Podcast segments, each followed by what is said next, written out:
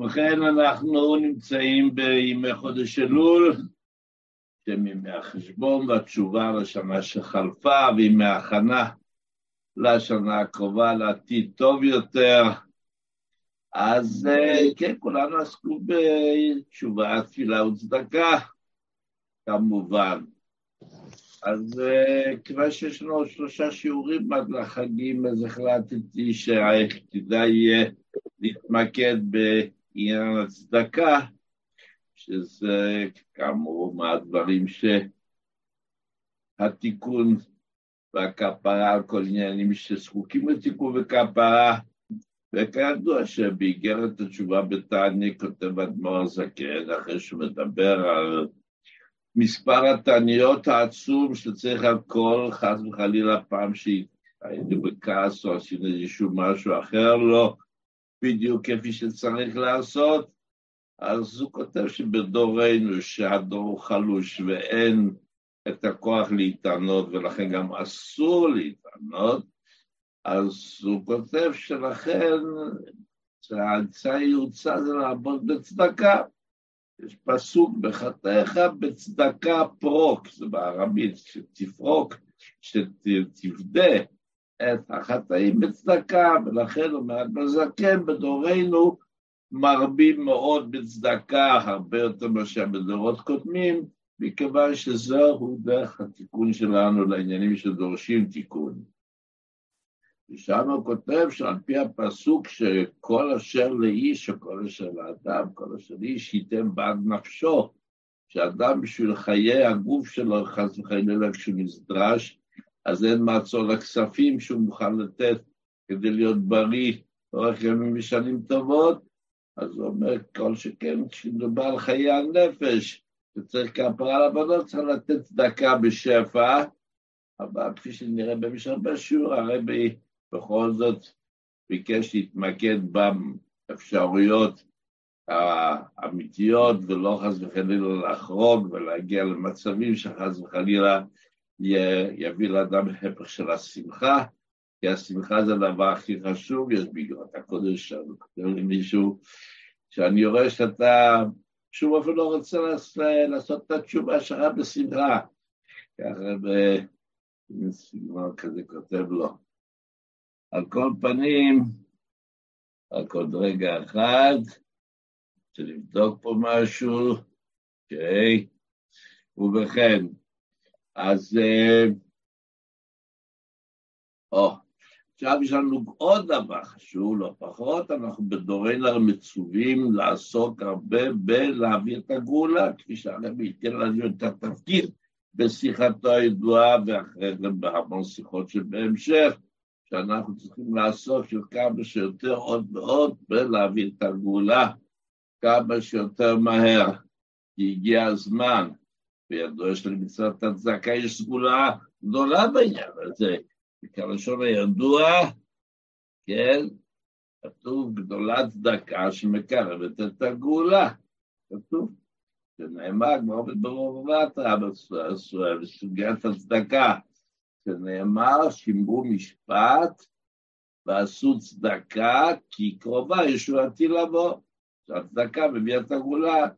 בעובד מסכת שבת, אין, אין ירושלים נבדית אלא בצדקה, שנאמר ציון במשפט תפדה, ושווה בצדקה, אמרנו את זה בהפתעה לא מזמן, משפט שעבר. אדמו"ר כן כותב בתניא, ואנחנו עוד מעט כבר ניגשים לחלק ההלכתי כמעט, הוא אומר שהוא מדגיש את העובדה שבכל התלמוד ירושלמי נקראת הצדקה בשם מצווה סתם. לא, לא כתוב צדקה, כתוב מצווה, מצווה בתלמוד ירושלמי פירושה צדקה. כלומר שזה מוסבר בכך, כפי שהוא כותב באגרת הקודש בפרק ט', עיקר המצוות המעשיות, עיקר מצוות מעשיות, יש הלכת תפילין, יש, יש, יש מצוות ענקיות, מצוות מעשיות, כמדי יום ובשבתו ובחגים, אז הוא אומר, ככה ראש השבוע הזקן, שהוא אחראי על כל אות וכל מילה. עיקר המצוות מעשיות ועולה על כולנה דקה. כן, כך אומר, ובגלל פרק ט' הוא כותב שעיקר עבודת השם בעיתים הללו בעקבות משיחה היא עבודת הצדקה. ולכן אנחנו מתחילים את השיר ופותחים בדבר המלכות, הרב מרבה לצטט באגרות, ואף שהרבה לזה כבלתניא, ככה לשון של רבי, פוסק בנסתר דתורה, והשולחן ערוך פוסק בנגלה דתורה, החיות כל עיקר עבודת השם בעיתים הללו בעקבות משיחה עבודת הצדקה. היי, בגמרא כתוב שתלמוד תורה זה כנגד מילות חסדים וכולי, זה נאמר בימיהם, אבל עכשיו אין בן דוד בת שתכלה פרוטה מן הכיס וכולי וכולי. עכשיו, עוד, כתוב בתורתנו הקדושה, לא תנסו את השם אלוקיכם. זה איסור חמור, איסור חמור לנסות את השם, להגיד, בואי שלום, אני אעשה כך וכך, אני רוצה לראות איך שאתה עושה לי כך וכך. אם תעשה לי כך וכך, אז אני... אם לא, חס וחלילה, לא תנסו את השם אלוקיכם, זה לאו שבתורה, אסור לנסות את השם איתו בביזנס. אבל גם יש יוצא מן הכלל. זה מצוות מעשר כספים. איפה זה כתוב? כתוב בנביא מלאכי אומר, הביאו את כל המעשר בית האוצר, ויהי טרם בביתי, ובחנוני נא, נא, נא, בבקשה, עוד נתיר את מה שהרבי כותב על המילה הזאת, ובחנוני נא בזאת אמר השם, שמבקש, תבחנו אותי, אם לא אפתח לכם את ארובות השמיים, הריקותי לכם ברכה עד בלי די. הם כולם מכירים, הריקותי לכם ברכה עד בלי די, כן?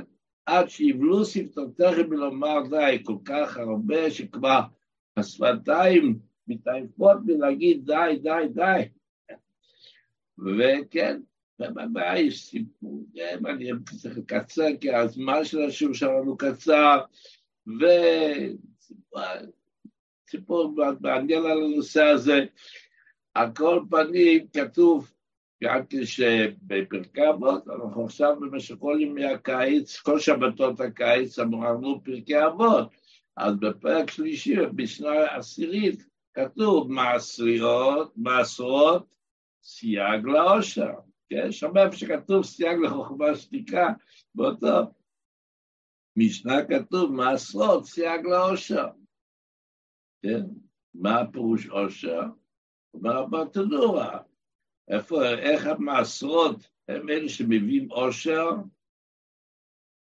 הכתיב אומר בתול, עשר תעשר, עשר, בשביל שתתעשר.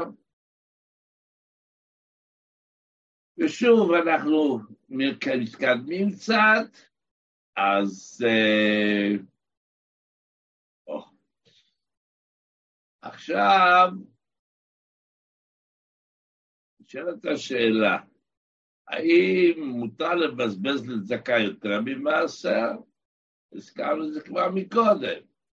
הרי כתוב כל המבזבז, לא יבזבז לצדקה יותר מחומש.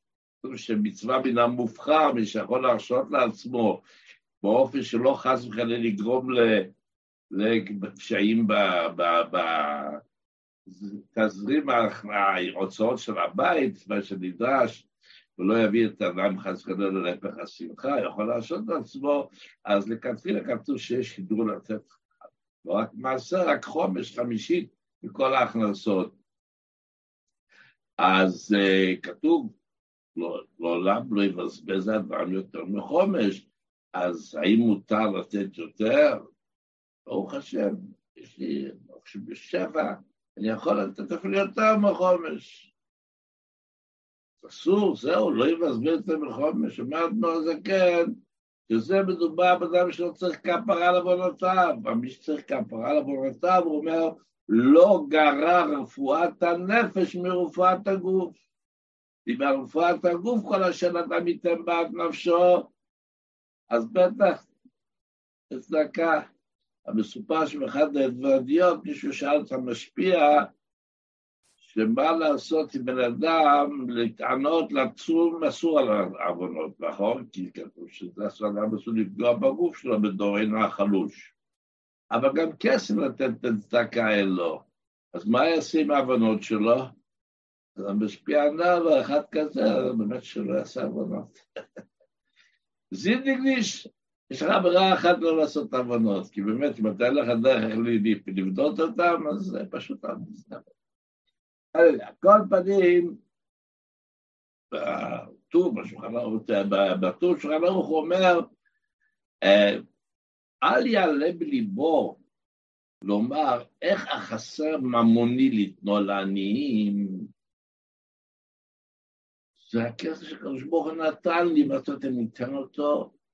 יש לו לדעת שאין הממון שלו, אלא פיקדון לעשות ברצון המפקיד. אתה בסך הכל הגבאי צדקה שקדוש ברוך הוא נותן בך אמון ונותן לך את הכסף הרב, כדי הוא יודע שאתה, אפשר לסמוך עליך שאתה תהיה הגבאי צדקה שתחלק את זה לעניים. הדבר בדוק ומנוסה, אומר הטור, כי בשביל הצדקה לא יחסר לו אלא אדרבה, תוסיף, תוסיף לו עושר וכבוד.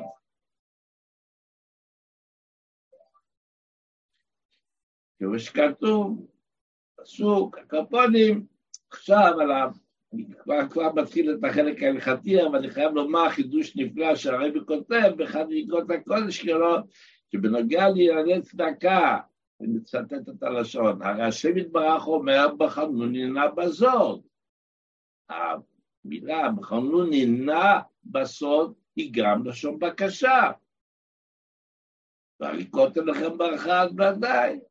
אף שהלכה פסוקה לא תבשו את השם, שונה היא הצדקה, ואדרבה, מבקשים ממנו לנסות. ומשום כך, יש להיות בטוחים שהקדוש ברוך הוא ימלא הבטחתו במלואה ויוכל לבשר בשורות טובות. ובכן, לומר שיש כאלה שואלים, אבל תראה, אני נותן כל כך הרבה צדקה, ותראה, יש לי פה בעיות שם, בעיות פה, בעיות שם.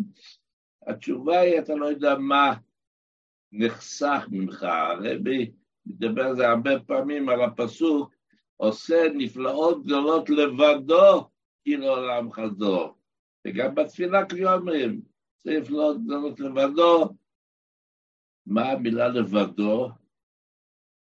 והרבה שהפירוש הוא שיש סעיפים גדולים שנעשים, וזה לבדו רק הקדוש ברוך הוא יודע. אתה לא יודע מה נחסך ממך, חס וחלילה, מה היה אמור, והכל שונא עשה לקרות, לולי שנתת צדקה ועשית את המעשה הטוב. זה עושה נפלאות, גדולות לבדו, הוא יודע מה הוא עושה. ובכן, נגיע אחד מהחלק ההלכתי, אנחנו כבר מתחילים.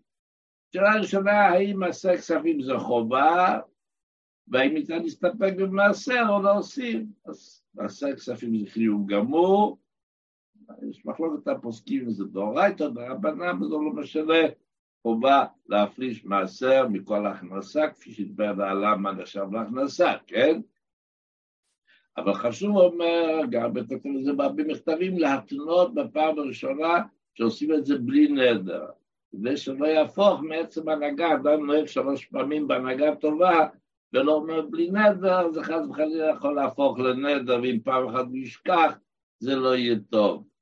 הרב מרבה להזהיר על כך, ו... ושולחן ערוך נפסק, אני מצטט את לשון שלום, עד חומש נכסיו מצווה מן המופרע. חמישית מההכנסה לתת זה מצווה מן המובחר, אחד מעשרה מידה בינונית, פחות מכאן, עין רעה. במכתבי הרב מצינו כל מיני, לפעמים שהוא כתב לאנשים שונים. ואחד הרב כותב, ש... שואל כמה לתת יותר ממעשר, הרב כותב שיהיה קרוב לחומש. כלומר, אם אנחנו רואים שהעשירית זה עשר אחוז, וחומש זה עשרים, אז לעבור את החמש עשרה אחוז, כלומר קרוב יותר לחמישית. בוא נגיד לתת 16 אחוז, במידה ואדם יכול להרשות לעצמו. היו כאלה שרבא דרש ממנו לתת חומש כפשוטו, מצד שני אני יודע מאדם שדווקא נחשב לעשיר גדול, אבל הרב יודע כנראה מה שאני לא יודע, מה שקורה בעסקים שלו, והרב כתב לו שייתן 11 אחוז. זה היה באמת בהמון אגרות קודש, שהרב מורה לא לדייק על המעשה עשירית ולא יותר. כי חס וחלילה יש מאמר חז"ל, מי שמדקדק, מדקדקים איתו, תעבור את זה, תראה, לא פחות מעשירית, אבל תעבור את זה קצת, קצת יותר מעשירית. כן? הרב כתב שלא לדקדק על מעשה מדויק, שזה סגולה שגם מלמעלה ישפיעו שלא בדקדוק. כן? באופנים, במצבים מסוימים, הוא אפילו אמר לתת יותר מחומש, אבל אנחנו במהלך השיעור נשתמש במילה מייסר, מעשר, מעשר, מעשר, כי זה המידה הבינונית שכל אחד מחויב. מה עושה בן אדם אבל שואל, מה לעשות שההכנסה שלי לא מספיקה לי כדי פרנסתו, אם אני אוריד עשירית ממה שהמשכורת המצומצמת שלי, שממש על ההוצאות החשובות שאני חייב בבית, אני צריך להיכנס לחובות. או אדם חושב שבחודש מסוים היו הוצאות גדולות בבית, כן, היה חייב לעשות איזשהו שינוי, איזשהו שליפות, איזשהו דברים ש... לקנות משהו, היה בזה הוצאות מיוחדות, ובאופן שמה שנשאר כבר בשביל שאני אוכל להאכיל ולהשקות ולפרנס את המשפחה שלי, אה, מזה אני כבר לא יכול להוריד את המסע לדקה החודש הזה, בעזרת השם בחודש הבא אני שוב יוכל. אז ראשית כל התשובה היא ככה, צריך אבל הבחנה מדוקדקת, מה זה אין לי כדי פרנסתי. יודעים, האדמו"ר הזקן כותב באיגרת הקודש בתניא, אני מצטט את לשונו, אם האני צריך לחם לפי הטף, להכין לחם בעניין, ועצים וכסות בקרה, בקרים, הוא צריך לקנות את העצים ואת הבגדים בשביל שלא יקפא מקור. כל דברים האלו קודמים לכל מלבושי כבוד וזבח משפחה, בשר ודגים וכל מטה בשביל האדם. ולא שייך בזה חייך קודמים. בפירוש, חייך קודמים לחיי העני. אבל זה מדובר, כאשר אתה מדובר על הוצאות, אתה באמת חייב בהם. מדוע לא שאל חיי הקודמים? מאחר שאינם חיי הנפש, כמו של העני, שווה בשווה ממש. צד שני, חשוב מאוד להדגיש, זה כבר לא כתוב באיגרת הקודש. חשוב מאוד שלא ניכנס ללחצים. אדם צריך לעשות את החישוב הזה ויאמר רק רגע, טוב, בשביל לחם ומים, כן, בשביל זה מספיק אה, הביטוח הלאומי. אבל אה, זה יגרום ללחצים. אדם ילחץ, אשתו תלחץ, הילדים, יגרום ללחצים, ובדורנו צריך מאוד מאוד מאוד לשמור את זה חשבון אמיתי, לדעת שיהיה בבית מה שצריך, לא ירגישו בחיסרון מיוחד, החיים יזרמו, השמחה תשרה, כל מיני הוצאות צדדיות שאנחנו עושים לפעמים, כל בילויים, דברים, יציאות, טיולים וזה, החודש הזה נדחה את זה לחודש הבא, נמצא את הדרך לתמרן, אבל בלהישאר בשמחה וטוב לבוב, כי זה חובה, אז חלילה כתוב, לא נזכיר מה שכתוב, שעובדים את השם, אם לא עבדת את השם בשמחה, בטוב לבב מרוב כל, כתוב מילים לא יפות, לא יפות אסור להגיד, המילים לא חיוביות, ולא נעימות, אז צריך להיות בשמחה וטוב לבוב. צד שלי, כשאתה אומר, החודש אני לא יכול לתת קברסר, כי אני לא יכול, אני חייב את כל הכסף בשביל המשפחה, תעשה את החשבון האמיתי על יסוד דברי אדמו"ר הזקן, שאם אני צריך לחם לפי התו ועצים מקסות בקרה, ואתה צריך בשר ודגים וכל מטעמים. כמובן, לא לדייק על המילים, כיוון שכפי שאמרתי, לא ניכנס ללחצים. או, מעניין להיות שיגרת קודש כזאת מעניינת של הרבה. הרבה כתב, מישהי ששלחה סכום גדול לצדקה, לרבי, שהרבי ייתן את זה לצדקה, כפי שהוא מבין, ככה נהגו לתת לרבי כספים שהוא יחלק אותם למשהו, על דעת הרבי.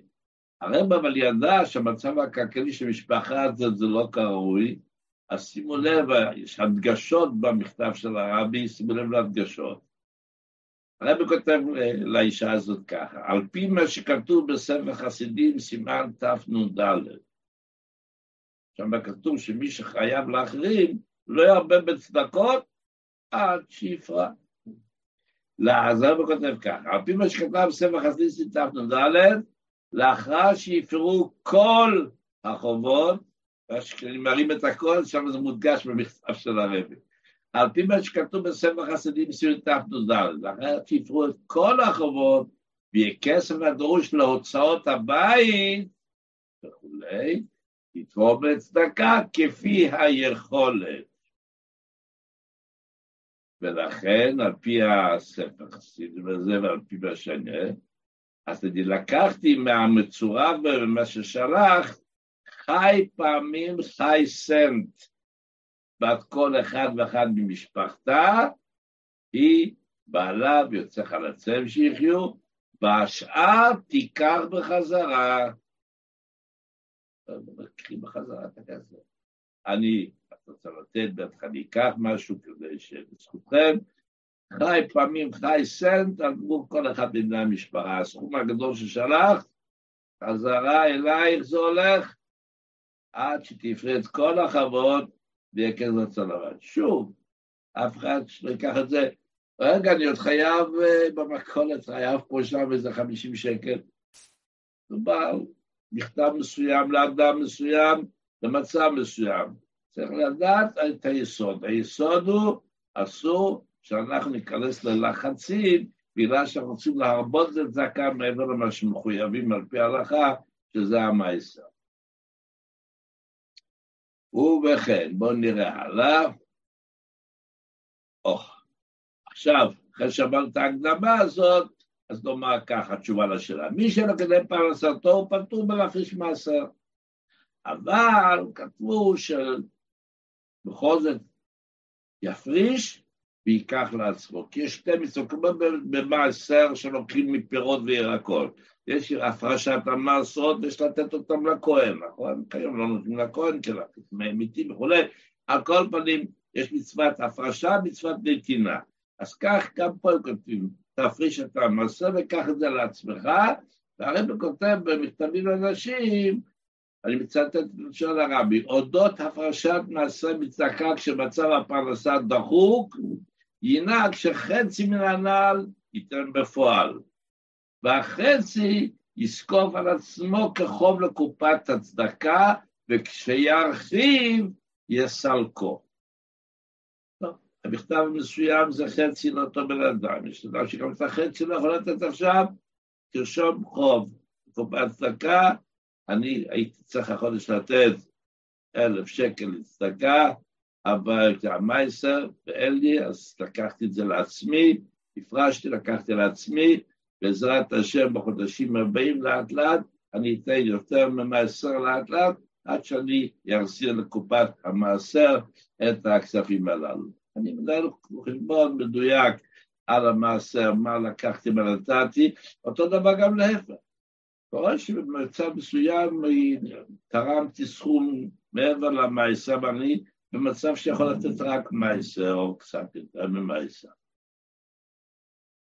אבל נוצר מצב מסוים במשפחה, בחברה, בחברים שהלכתי ונתתי מעבר למייסר, האם אני יכול להחזיק את זה כחוב? כן, יכול לרשום שנתתי, הלוויתי לקופת המעשר סך אלף שקל. ובחודשים הבאים לאט לאט להחזיר לעצמי, להפריש ולקחת לעצמי, להפריש ולקחת לעצמי, עד שאני מקבל חזרה מקופת המעשר, פשוט להתנהג עם קופת המעשר כאילו עם גבאי צדקה שאני מתעסק איתו. נתן חודש שלא יכולתי לתת, מה מסוים שלא יכולתי לתת. לא יכולתי לתת, אז אני רושם את זה, ובעזרת השם, בחודשים הבאים, כשקדוש ברוך הוא ירחיב לי, אני בעזרת השם אחזיר לאט לאט. כל כשנתתי מעבר לכלל הנדרש, ואני לא במצב שאני יכול לתת ככה, אז לאט לאט אני אעשה, אני רושם, קופת בסר, יתרת זכות, אני יש לי טבלה, נייר, אני רושם, הגיע איזושהי משכורת מסוימת, הכנסה מסוימת, המסור כך וכך, יש לי חוב, יש לי זכות, יש לי... אני נותן משהו, אני רושם, לאט לאט מנהל חשבון מדויק, בעזרת השם, מקווה שהעניינים מתנהלים כראוי.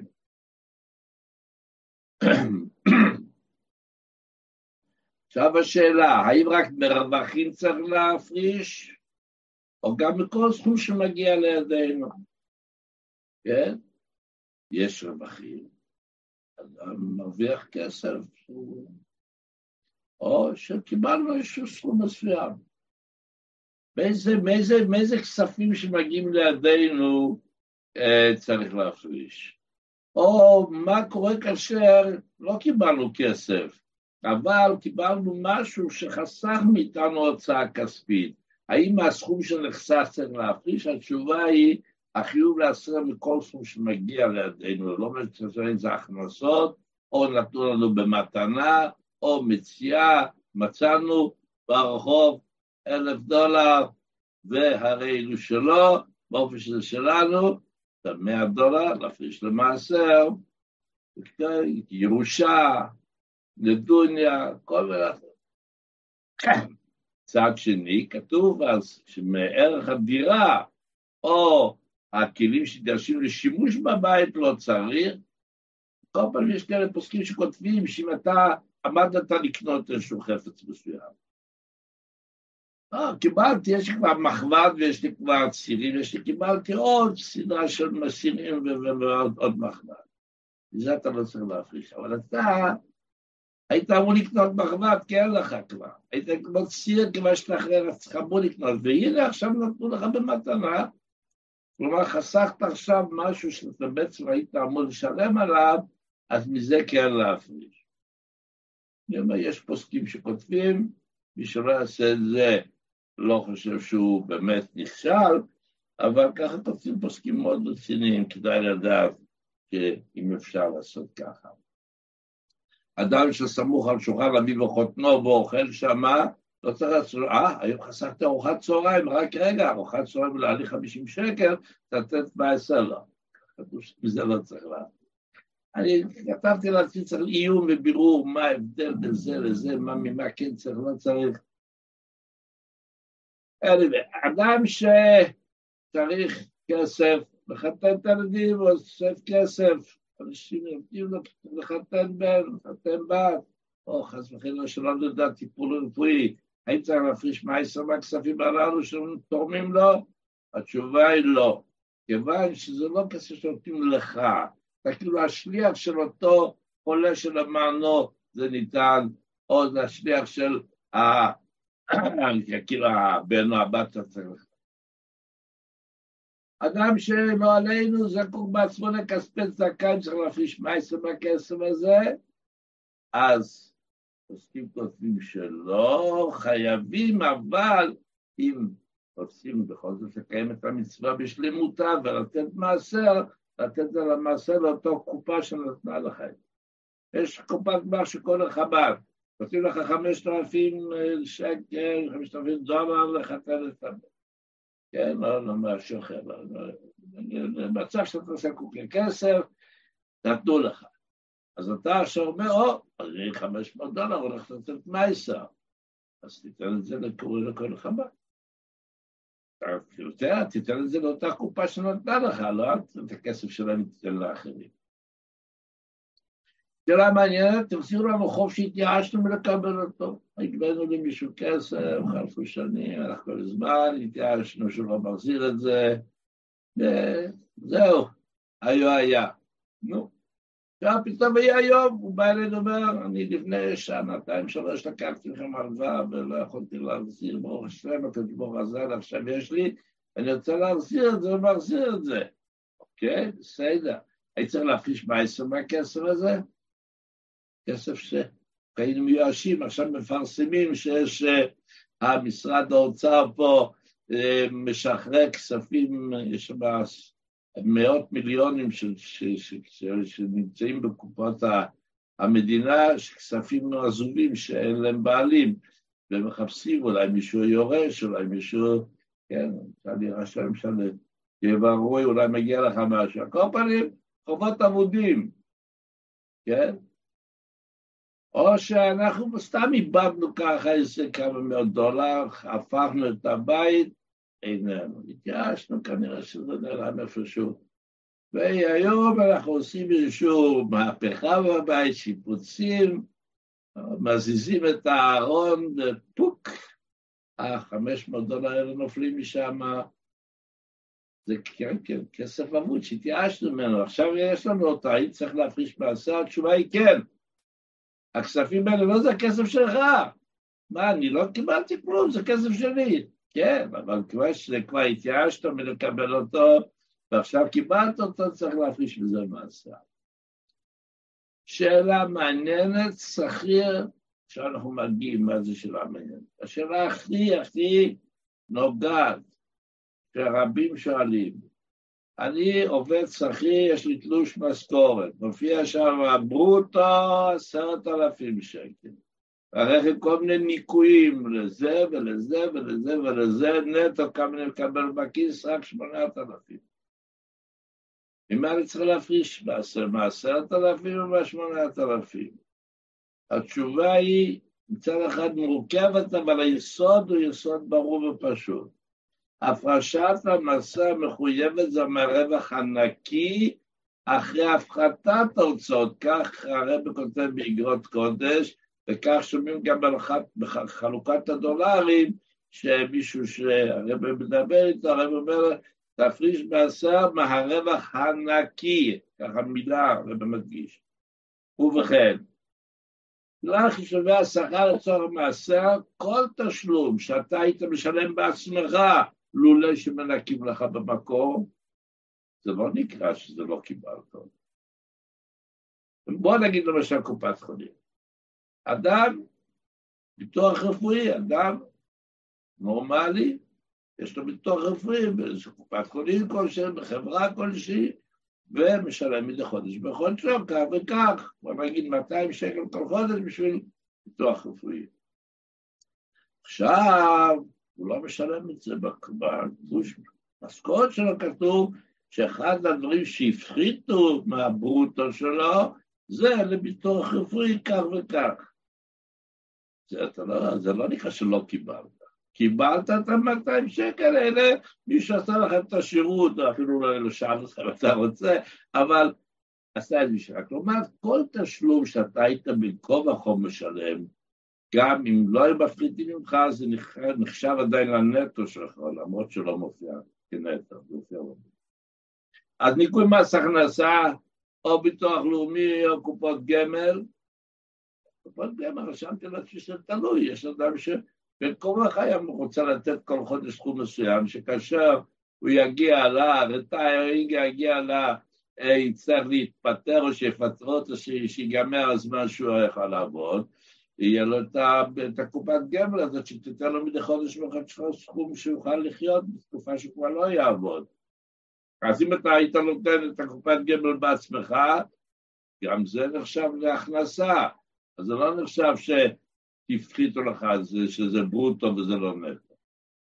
וזה, ועל פי זה לעבוד עם כל הדברים הללו, מה הייתי נותן בעצמי ומה אני לא הייתי נותן בעצמי, אלא לוקחים ממני נגד רצוני, ואין מה לעשות, ככה העסק עובד, ועל פי זה לחשב מה נשאר להכנסה ומה לא, ולעשות את המעשה.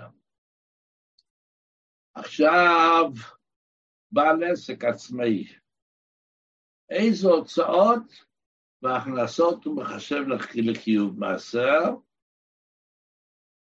אז גם שוב אותו דבר. ניכוי המס הכנסה ביטוח לאומי ומיסים על העסק, מס רכוש, מס עירייה, לא מחושבים בהכנסות. אלא אם כן שאולי גם מס עירייה הוא כן צריך, כי הם לוקחים לו את הזבל וסוללים את הכבישים. צריך לחשוב. כמו כן, כל ההוצאות שמשקיע להשגת הרווחים, כן, משקיע. אז זה לא קיבלתי, נכון, קיבלת חודש עשרת אלפים שקל, מתוכם יש שלוש מאות או חמש מאות אה, מושקעים חזרה בתוך העסק כדי שימשיך ל... אה, אבל כל זה, כפי שאמרתי, הכלל שקובע מהם באמת הכנסות. עכשיו ניתן דוגמה. עצמאי שיש לו עסק, אבל יש לו נסיעות לצורך העסק. אם הנסיעות האלה זה לא שהוא בין כה וכה צריך לנסוע לשוור או לרבי, הוא צריך לנסוע בין כה וכה לניו יורק. הנוסע שם, אז הוא כבר מנצל את זה גם לעסקים. זה הוצאה שאתה צריך כן להפריש מס, זה כסף שקיבלת. אבל אם אני בכלל לא אמור לנסוע, אני טס או נוסע עושה כל מיני נסיעות, בגלל שהעסק דורש את זה.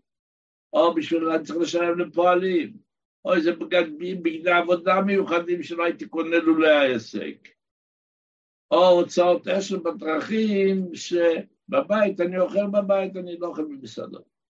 אבל כשאני נמצא במקום זר שאין שם אף אחד, אני נאלץ ללכת למסעדה ולשלם סכומים רציניים על המסעדות. תעשה את החישוב מהם ההוצאות היתרות שלולא העסק לא היית עושה, ואת זה אתה לא צריך להפריש מעשה, אתה מוריד, זה נחשב, מוריד מההכנסה, ומה שנשאר מזה אתה צריך להפריש מעשה. שאלה שנוגעת מאוד, בפרט לציבור האנשים שמקשיבות לשיעור, שזה האור חיה, המוסד שעוסק בהפצת תורה וחסידות וכולי וכולי, אנחנו במסגרתם עושים את השיעור הנוכחי, אז שואלים אישה שיוצאת לעבודה ולכן מעסיקה מטפלת, עוזרת, האם יכולה לנקות את הסכום שמשלמת לעוזרת ולמטפלת מסכום ההכנסות, היא מקבלת עשרת אלפים שקל לחודש מהעבודה, אבל מתוכם היא צריכה שלושת אלפים לתת למטפלת ולעוזרת כיוון שהיא יוצאת לעבודה. התשובה היא שוב, כל הצעה שהיא נגרמת כתוצאה ישירה מהיציאה לעבודה, אפשר לנקות בסכום ההכנסות. אבל גם אם לא היציאה לעבודה היית משלמת, כלומר, היא מעסיקה, מטפלת גם כשהיא בבית, ושיהיה לקוח כל היום לעבוד עם התינוק, אז כל יום משעה מסוימת עד שעה מסוימת יש אצלה מטפלת. כשאני מסתכל לעבודה, יש עוד שעתיים. בסדר? את השעתיים הנוספות האלה, את יכולה להפחית בסכום ההכנסות, לא בסכום המעשר, כן? בסכום ההכנסות, שמזה מפרישים את המעשר. או שנגיד שהיא בדרך כלל תמיד לא מכבסת בבית, היא נותנת את זה למכבסה. עכשיו שיש לה עוזרת בבית, אז עוזרת, עושה לה את הכביסות במכונת הכביסה. היא לא יכולה לנקות את ההוצאה הזאת בהכנסות. אתה במקום לך משלם בשביל כביסות, אז במקום לשלם מכבסה, משלם עכשיו לעוזרת. שוב, לדעת שמתעסקים בו עם הקדוש ברוך הוא, עם קופת המעשר, שזה כל כך יקר וחשוב, לעשות את החישוב הנכון, מהם הוצאות שנוצרות רק כתוצאה מעבודה ולולא זאת זה לא היה, את זה אפשר להפחית מסכום ההכנסה, ומהסכום שנותר להפריש? מעשר וכיוצא בזה. מתי הזמן להפרשת המעשר?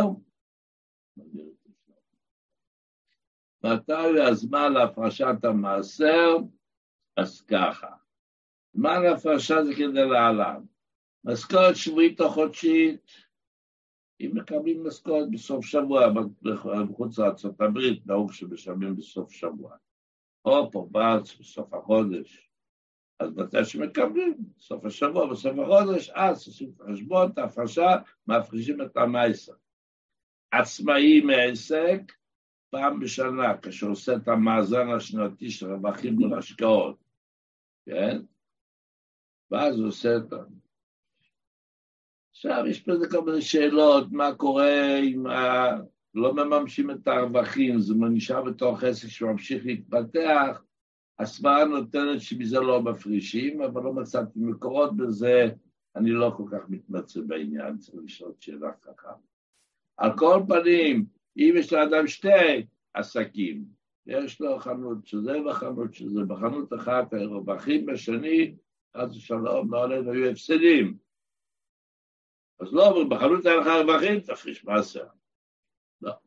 זה נקרא, צריכים על הבן אדם, לבן אדם בסך הכל משתי החנויות האלה לעשות, לצרף את כל מה שקורה ולדעת האם בסך הכל היית ברווח או בהפסד. ועל פי זה להפריש את המעשרות.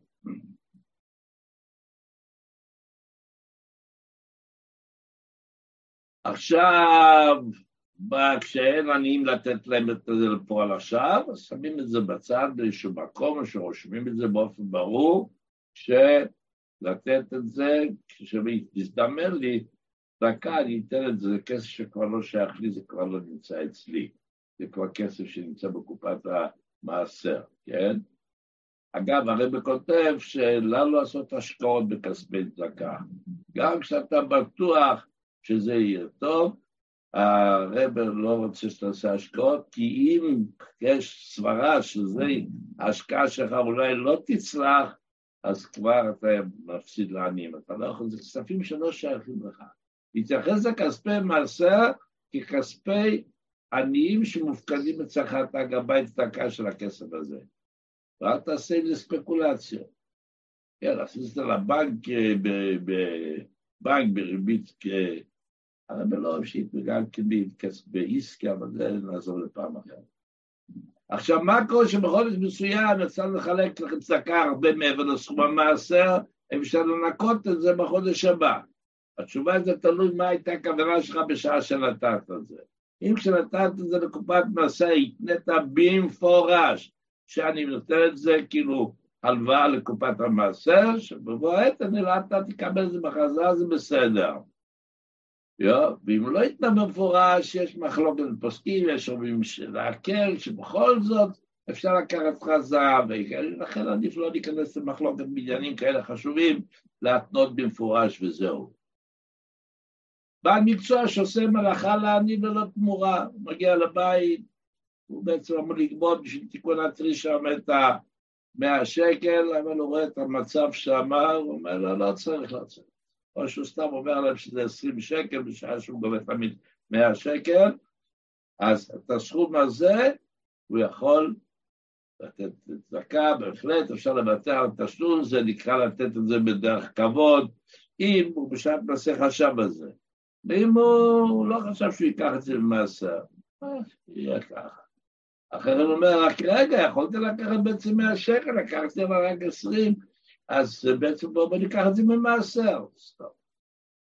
נתת, נתת, אבל אם הוא חושב, הדרך זה, בעל מכולת, הוא נותן לעני כאילו, אני רושם, ויודע שזה, רק לתת לו הרגשה טובה, כאילו הוא חושב שהוא ישלם את זה פעם, אז הוא יודע שזה בעצם מוותר, אפשר להפחית בכספי מעשה, כן? עכשיו,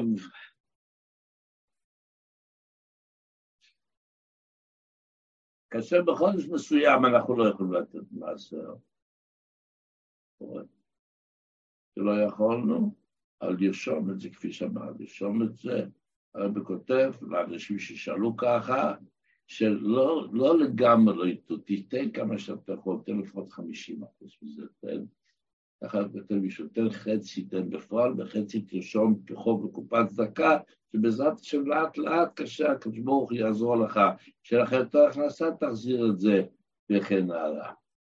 אגב, בגלל לנשים, הרי מעורר במיוחד שנשים ייתנו צדקה לפני הכנת הסעודה. בבית חב"די יש קופת צדקה במטבח, וכתב מה בהוראות, כיוון שהיא זקוקה לעשר מסוים בקדוש ברוך הוא שהבישולים והאפיות יצליחו. וכדי שהאישה לא תשכח את הצדקה לפני שהיא מבשלת, הרבי הציע, אני מצטט את לשונו, שתניח בקביעות קופת צדקה במטבח. ואז זה מזכיר לה, הנה הקופה נמצאת פה מכניסה שמה שקל או משהו כמה לצדקה, כדי שהכל יצליח. אגב, יצוין שהרב עורר בנוגע לחדרי ילדים, לקבוע קופה בחדר על ידי מסמר וכדומה, שיהיה מחובר לחדר, ועל ידי זה, אני מצטט את לשונו, כן, של הרבי, ועל ידי זה יהפוך החדר כולו לחדר של צדקה, וחדר שישתדל הם במטבח, הם בחדר הילדים, שהקופה תהיה מקום בולט, שזה יעורר גם כן על העניין ויעורר על אהבת ישראל, ואהבת ישראל להביא את הגאולה האמיתית והשלמה בכל ממש בגודל ידידן, אמן ואמן.